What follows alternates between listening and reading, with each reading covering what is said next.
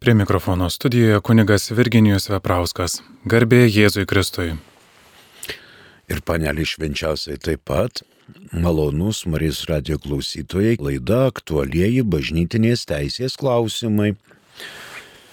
Šiandien yra tasa apie pamaldžius valios pareiškimus bendrai ir pamaldžias fundacijas.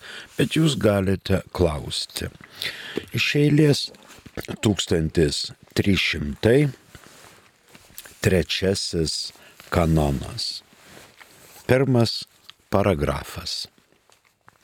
Pamaldžiomis fundacijomis teisėje vadinamos. Pirma. Savarankiškos pamaldžios fundacijos būtent daiktų visuma skirta tikslams, apie kuriuos kalbama 114 kanono antrajame paragrafe. Ir kompetentingos bažnytinės valdžios įsteigta kaip juridinis asmuo. Antras.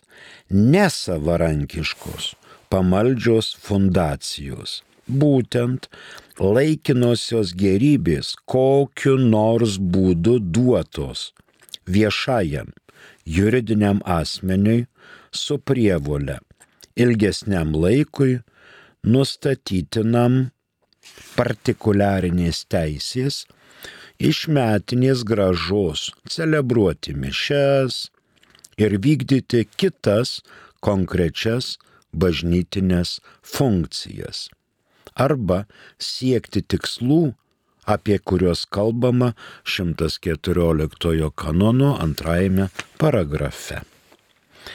Na ir antrasis nesavarankiškos fundacijos gerybės, jei buvo patikėtos diecezniam vyskupui, pamaldžiam, juridiniam asmeniui, pasibaigus laikui turi būti perduotos institutui apie kurį kalbama 1274 kanono pirmajame paragrafe.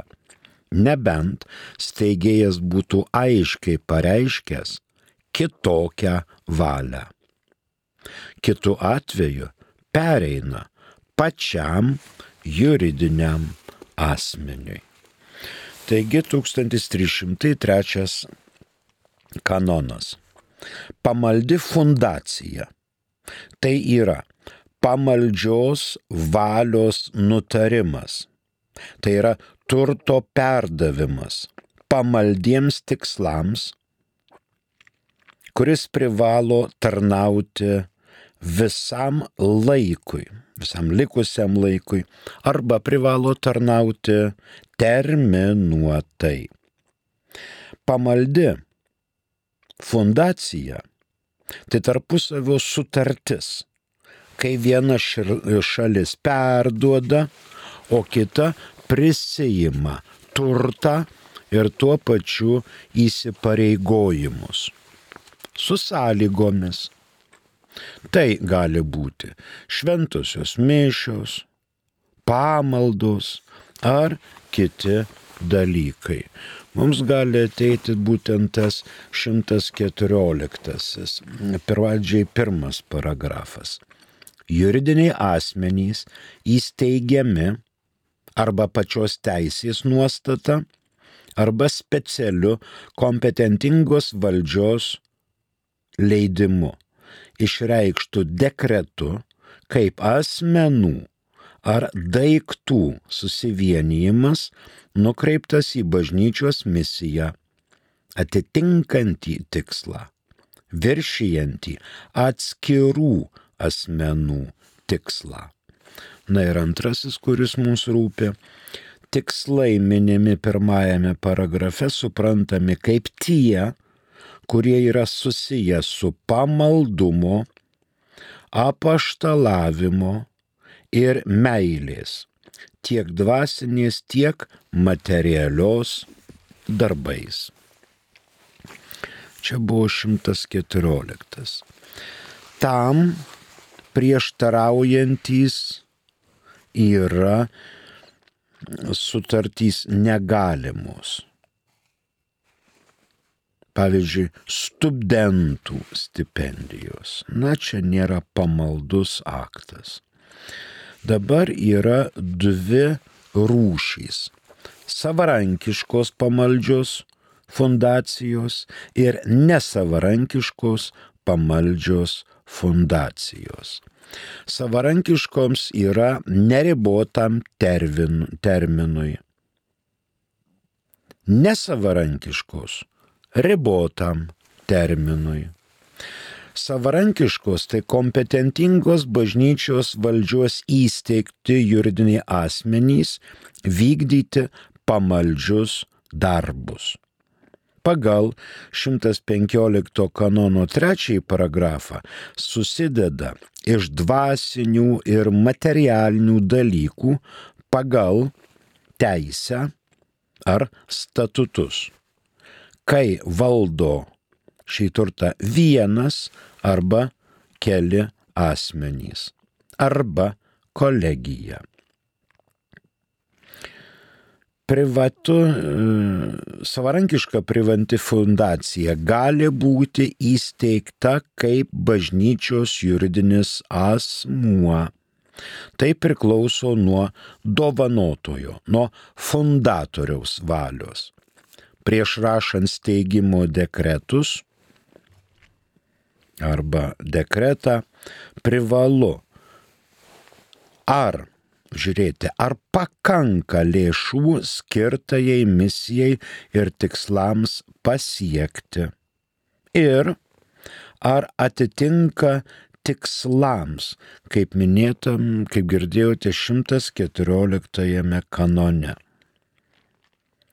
Ir ar patvirtinto yra juridinio asmens statutai. Ar patvirtinti statutai? Ar nėra jie patvirtinti?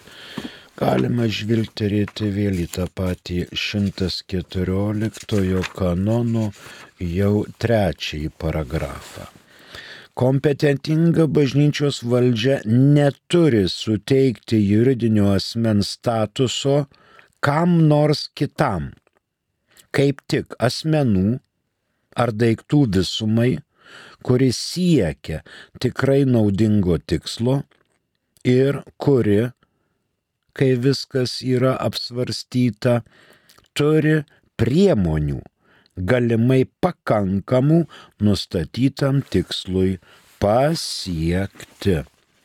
Ir dar paminėtas 117. Jokia asmenų ar daiktų visuma siekianti įgyti juridinio asmens statusą negali jo gauti, jei jo statutai nėra patvirtinti kompetentingos valdžios.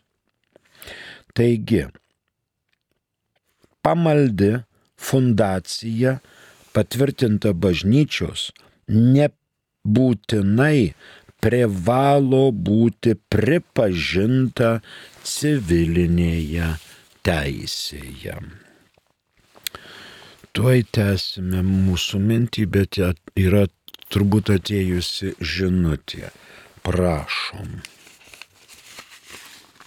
Taip, turime kelias žinutės. Klausytoja Kristina iš Kauno rašo, garbė Jėzui Kristui. Ar ryt katalikui galima valgyti mėsą, nes ryt Marijos šventė? Taip, rytoj gruodžio 8 ir susilaikimas nuo mėsiško valgio vartojimo neįpareigoja. Nes rytoj yra ir glorija, ir kredo tai neprivaloma liturginė šventė, bet jinai, taip sakant, tą pasninką naikina. Rytoj gero apetito su mėsa. Ačiū. Kitas. Taip. Garbė Jėzui Kristui, kas yra partikuliarinė teisė? Dėkoju. Partikuliarinė teisė yra dalinė teisė. Mes čia daugumoj svarstome visuotinę teisę, popiežiaus paskelbta teisė visai katalikų bažnyčiai lotynų apieigų. Tai visai. Bet kadangi vietos vyskupas yra savas įstatymų leidėjas, tai šitą visuotinę teisę jisai pritaiko savo vyskupijai arba savo metropolijai, arba vyskupai pritaiko dalinės teisės nuostatas savam vyskupų konferencijos kraštui. Tai yra dalinė teisė. Tokia pat dalinė teisė yra ir, tarkim, vienuoliniuose institutuose, kur yra konstitucija pagrindinis įstatymas, bet savo dalinę teisę įsiveda ir vienuoliai. Vienuolynuose, kuri yra patvirtinta ir jinai yra saistanti. Jeigu atsakiau, džiaugiuosi. Ačiū. Dar vienas. Garbėjai Jėzui Kristui, mm. te gyvuoja Marijos radijas. Taip.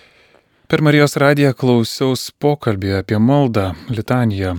Svarbu, ką reiškia pasakyti litanijos žodžiai - Jėzaus auka, kuri iš dviejų padarė vieną. O kur jūs taip perskaitėte? Jėzaus auka, kuri iš dviejų padarė vieną.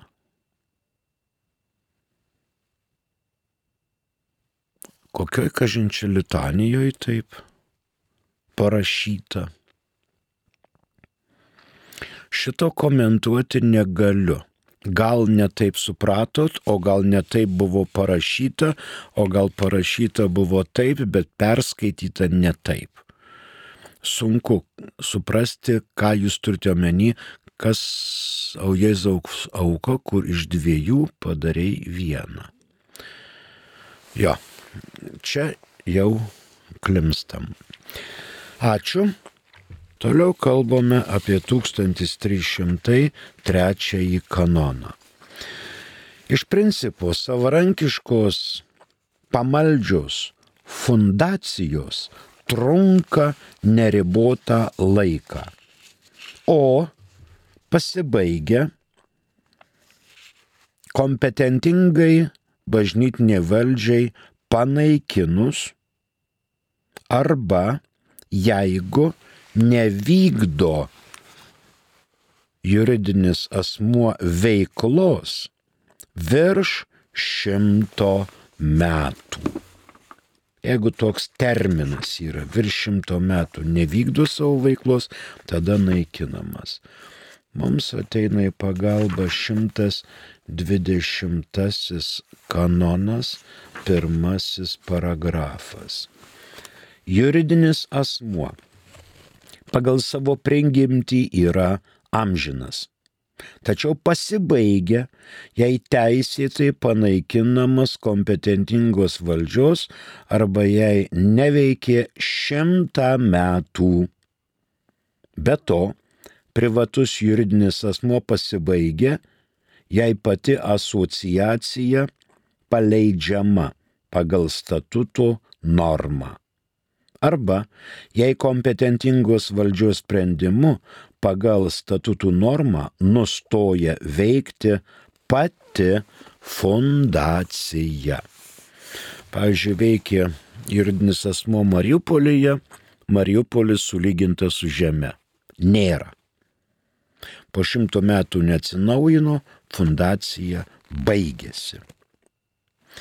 Pagal 123 kanonų normą, kai išnyksta arba panaikina, panaikinamas juridinis asmuo, visos gerybės ir visos teisės bei pareigos pagal statutus ir teisę pereina į aukštesnę aukštesnį juridinį asmenį.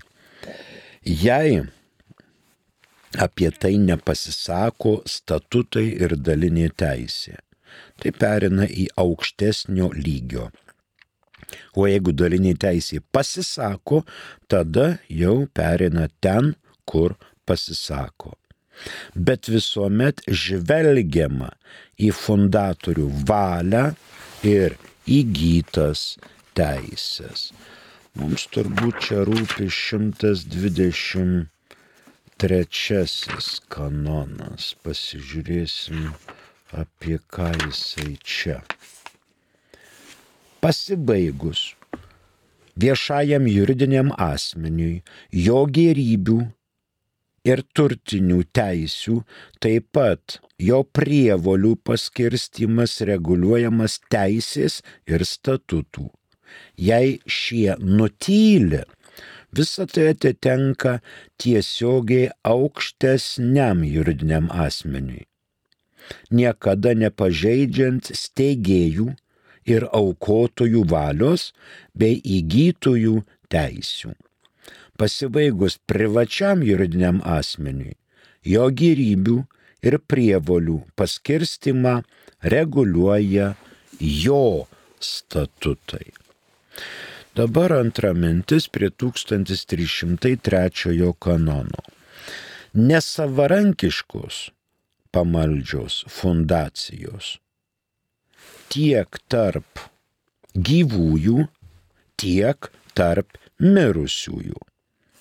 Neturi, pavyzdžiui, teisinio juridinio asmens pagrindo. Tarp gyvųjų tai gyviem esant, o reiškia mirusiųjų tai įsigalėjus testamentui. Mirė žmogus, tada tik tai testamentas įsigali. Ir turi nesavarankiškos pamaldžios fundacijos skirtis nuo pamaldžių, nuo, turi skirtis nuo priimančio juridinio asmens. Tai ilgalaikis įsipareigojimas. Pavyzdžiui, šventosios mišios, kažkiek mišių reikia atlaikyti per savaitę, per mėnesį, per metus, per dešimtį metų, ar kitas pamaldas. Vėl tas pats 114 antras paragrafas. Ta gali atlikti kiekvienas fizinis asmuo. Dalinė teisė privalo apibriežti sąlygas, kurias įvykdžius vyskupas leistų būtent tokią fundaciją priimti. Ne kiekviena fundacija bažnyčiai yra priimtina. Laikas, jeigu yra trumpas, tai tikrai ne, nepriimama fundacija. Antraip skirtusi tai nuo paprastos aukos. O čia turime reikalų su pamaldžia fundacija. Bet ne ilgiau turėtų būti kaip 20-25 metai žvelgėme į ekonominę situaciją. Mes irgi turėjom savo laikų žvėriukus, paskiau litai ėjo, prieš tai rubliai buvo, dabar eurai buvo. Tai žiūrim į ekonominę situaciją, kad nebūtų kažkaip pralošta arba nebūtų rizikos įpulti į didžiulės skolas. Privalo būti pamaldžiai fundacijai sudaryta sutartis raštu tai ne vien dėl teisingumo, bet ir dėl kitų religinių tikslų. Kiek mišių, kiek pamaldų ir taip toliau. Na ir dabar mus pasiekė vėl žinutės, prašom. Klausytojas Antanas iš Vilniaus klausia, Kas, ką pasakytumėte apie kunigo Česlovo Kavaliausko netiesinę teologiją? Aš jums nepasakysiu apie kunigo Česlovo Kavaliausko netiesinę teologiją, Antanai, nieko. Čia didžiulė diskusinė tema. Ačiū. Kitas, prašom. Garbėjai Kristui, vienoje laidoje išgirdau jūs sakant, kad trejybės asmenys negali būti vaizduojami kaip žmonės. Kaip tada dėl Rubliovo paveikslo? Ačiū už klausimą. negalėjau sakyti, kad jie negalėtų būti naud, vaizduojami kaip žmonės. Paminėjau, kad negali būti vaizduojamas kaip žmogus su trim galvom, su trim veidais, kaip koks Slibinas Gorainyčius. Toks vaizdavimas negalimas. O Rubliovo paveikslas Andrėjaus, jeigu turite omeny, tai ten yra a, trys angelai. Ten trys angelai. Čia jau sąsają turime su Abraomu. Kai trys keliaiviai atėjo pas jį ir jisai juos vaišino. Čia yra trys angelai. Tik tai vėliau įsivystė trejybinis aiškinimas. Ačiū. Dar vienas klausimas, prašau. Garbė Jėzui. Mm. Paprašiau žmoną gyvenančią su kitu vyru, kad kreiptųsi dėl bažnyčios, bažnyčios santokos pripažinimo negaliojančią, nes svetimauja. Buvau pats išvadintas paleistuviu ir nenaudėliu. Kaip man elgtis? Hm. Na taip, aišku. Matot, čia yra sunkus dalykas dėl ko. Sunku dalykas, sunkus dalykas dėl to, kad vyras moteriai duoda priesaiką prie altoriaus. Santokos sakramento metu. Ir santokos sakramentą negali teikti niekas, net popiežius, net vyskupas, net kunigas negali teikti santokos sakramento. Santokos sakramentą teikia vyras žmonai, žmona vyrui. Jeigu gyvenate drauge, kaip santokos sakramente apibriešta, nuostabu, bažnyčia džiaugiasi. Bet atsitinka ir tokių dalykų, kai išsiskiriama. Ar tas nulekia pas kitą, ar tas zylioja su kitais ir, na, ir dinksta. Dabar rodyti pirštu, kad tu svetimauji, tu paleistuvėje, ar dar kaip nors, galima. Bet ar tai atneš vaisių? Tai yra gynybinė pozicija. Jūs pasakėt savo sutoktiniai, kad jinai svetimauja, tegu kreipiasi į bažnytinį teismą. Tai ką jinai tylės? Jinai atmeta atgal kibirą vėmalų. Tu pats paleistuvis. Nenaudėlis. Ieškokit būdų. Jeigu matot, kad šeima jau yra civilinė santoka išardžiusi, Ir jeigu neįmanoma, nėra įmanoma sugrįžti prie pirminio vektoriaus, kreipkitės pats į bažnytinį teismą. Piktumas ir apsispjaudimas viens ant kito tikrai prie gero neprives. Reikia jau išmintingai žinot. Ir matot, kaip vyras žmona, žmona vyrą gerai, gerai pažįsta, labai gerai pažįsta. Tai gelia viens kitam labai skaudžiai. Žino silpnas vietas ir gali tikrai gelti labai skaudžiai. Čia jau reikia turėti darybių puokštę, kad ištvertumėm šituos visus nesusipratimus ir nuoskaudas. Ačiū. Dabar prie 1303 trečioji mintis apie pamaldžias fundacijas. Po sutarties įvykdymo turtas pereina vyskupijai, kai pasibaigia fundacija.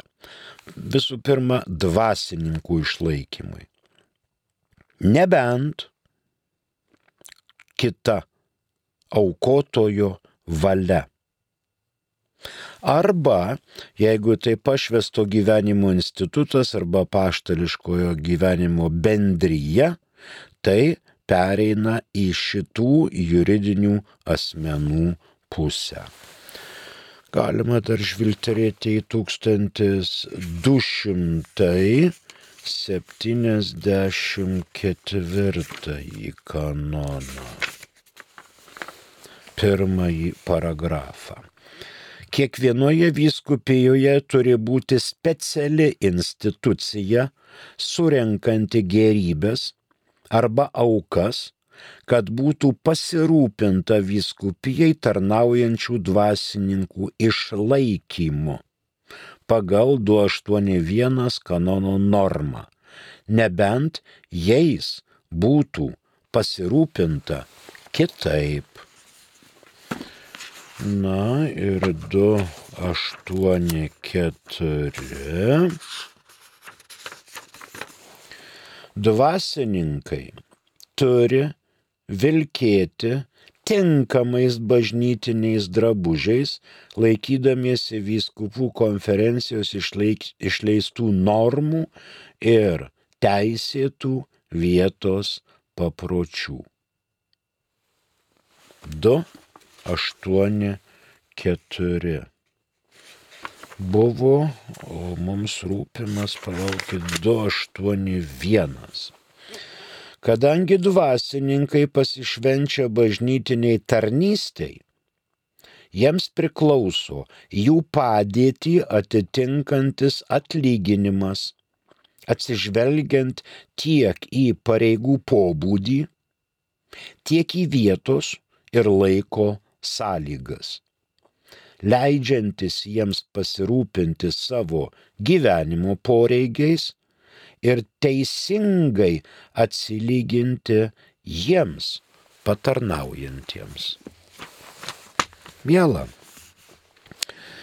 dabar autonominių pamaldžių fundacijų būti generuoja. 1917 m. kanonų teisės kodekse tai normino 1544. Ta fundacija buvo amžina. Dabar nedaug kas skiriasi, dabar kanonų teisės kodeksas, visuotinė teisė, nurodo žiūrėti į dalinę teisę. Ten, kur yra dalinė teisė. Jei fundacija priklausytų apaštalų sostui, kompetentingas spręsti, kompetentingas spręsti dvasininkų kongregacija. Jei fondacija priklauso vietos vyskupui, sprendžia vietos vyskupas. Ir atitinkamai, jei fondacija priklauso pašvesto gyvenimo institutams arba apaštališkojo gyvenimo bendrijoms, tai tų bendrijų arba institutų aukščiausiasis vyresnysis, gavę žinoma savo tarybos sutikimą ir ekonominių reikalų tarybos pritarimą tarima. Tai 1304 yra pabaigtas rytų kanonuose atitikmuo 1047. Mus pasiekė žinutė, prašau. Garbėjai Kristui. Ramžius amen. Prašau pakomentuoti citatą iš Biblijos jūs dievai aukščiausiojo sūnus, bet mirsite kaip visi žmonės. Ar tai reiškia, kad dėl žinių trūkumo tai nepasiekiama, kad įvyktų kitaip? Dėl kokių žinių trūkumų? Jūs čia akcentuojate vieną mintį - žinių trūkumų. Gal dėl meilės trūkumų, gal dėl valios trūkumų, Kažkur girdėjau, kad yra tai pasakyta Biblijoje, jūs esate dievai. Jei vykdote Dievo valią. Ir Naujam testamente yra tokia užuomina. Pamenate, kai prie Jėzaus nebesugebėjo prieiti mokiniai, ten nešė luošus, šleivus, kreivus, visokius apsigimusius, o jis ten sėdėjo, mokė patalpos viduryje, gydė. Kai žmonės sakė, dar niekad žmogus nėra taip kalbėjęs. Tie prardė stogą ir, ir sako, Jėzau, tavo broliai ir seserys ieško tavęs. Maždaug palik čia juos išeik pasišnekėti. Jėzus aiškiai pasakė, kas yra mano broliai ir mano seserys. Tai tas, kas klausosi Dievo žodžio ir vykdo jį, yra man ir brolis, ir sesuo, ir motina. Jo motina Marija, o Marija yra dangaus karalienė. Tai jeigu jūs klausotės Dievo žodžių ir jį vykdote, tai jūs Jėzui esate kaip dangaus karalius arba dangaus karalienė. Ne tik brolis, ne tik sesuo, bet ir motina. Tai jau ten nelabai toli iki aukščiausio lygio. Ten jau kaip ir Dievą galima matyti veidas veidan. Jeigu Dievo valią vykdai. Jūs esate dievai, taip, jūs esate dievai, žmogui tai pasakyti. Jeigu tu vykdai Dievo valią jeigu nežudai, neužkariauji kito, myli. Bet mirsime kaip visi žmonės. Gimtosios nuodėmės pasiekmė. Mirtis, lyga, skausmas, gimtosios nuodėmės pasiekmės. Bet ne dėl žinių trūkumo. Ir tai yra pasiekiama. Gal girdėjote arba buvot bažnyčioje užmetę akį ant sienų ten šventųjų paveikslai. Šventieji visuomet realiai gyvenę žmonės. Ir bažnyčios kanonizuoti, padaryti tyrimukai ir buvo nutarta, kad jie niekur kitur nėra kaip tik danguje. Tai įmanoma mirė kaip visi žmonės, bet pasiekė dangų. Štai šventieji, mes prašome jų užtarimo. Šiandien liktai šventasis Ambraziejus. Nuvažiuokit į Milano katedrą, ten jo yra palaikai. Gausiai žmonių lankome. Na ir dabar, dar vienas klausimas, prašom. Garbėjai Kristui. Praš, Prašau pakomentuokit, kuo skiriasi adoracija į Dievą ir meditacija į Dievą. Diskusinis klausimas ir labai ilgas. Adoracija tai. Galime vykdyti adoraciją kiekvienas. Bažnyčioje, kur yra tabernakulis. Mes atėję į bažnyčioje pagarbiname švenčiausiai sakramentą. Ir jeigu yra vietos laiko iki mišių, mes galim 10-15 minučių vykdyti adoraciją. Stovėti Dievo akivaizdoje ir džiaugtis, kad Jis mus myli, Jis mus atpirko. Adoracija. Paprastai adoracija vyksta vieną valandą arba keletą valandų, kai įstatomas švenčiausias sakramentas monstrancijoje. Jeigu nėra pakankamai daug žmonių, galima išstatyti ant altoriaus pyksidę arba atidaryti žinoma, tabernakulį. Paprastai pamaldus kunigas susideda stulą ir eina adoruoti bent valandą laiko į bažnyčią pats vienas. Atsidaro tabernakulį, sveikas Jėzau, kaip gyvuoja, aš čia nuodėmingas tavo tarnas. Ir pabūt valandėlę su Dievu. Tai yra buvimas Dievo akivaizdoje, buvimas su Dievu. Tai yra adoracija. O meditaciją mes galim daryti nebūtinai prie įstatyto švenčiausio sakramento. Meditaciją galima daryti visą dieną. Važiuoja furistas, veža alkoholį iš Vilniaus į Klaipėdą. 28 tonas dėžės dzingsi. Ir vairuotojas, reiškia, išsijungia visas radijas ir medituoja. Gali, gali. Kas trukdo? Niekas netrukdo. Medituot galima vaikščiojant pušynę, plaukiojant su baidare upėje, važiuojant dviračiu, žvejojant, medžiojant. Meditacija visuomet. Pasiimi vieną mintį ir tą dieną tu medituoji. Ir nepaslysta ta mintis į šalį. Tai labai sunkus fizinis ir protinis darbas. Taip pat kaip ir adoracija. Taip ir meditacija. Pavyzdžiui, šį vakarą pabandykit pamedituoti porą valandų mintį. Mane viešpats gano, man nieko nestinga. Arba pili man sklidiną taurę viešpatį. Pili man sklidiną taurę. Ne tik džiaugsmo, bet ir kančios. Mūsų laikas išseko, ačiū už klausimus, jeigu kirlo kokių minčių, prašom rašykite, kitoje laidoje pabandysime vėl kažkiek pakomentuoti.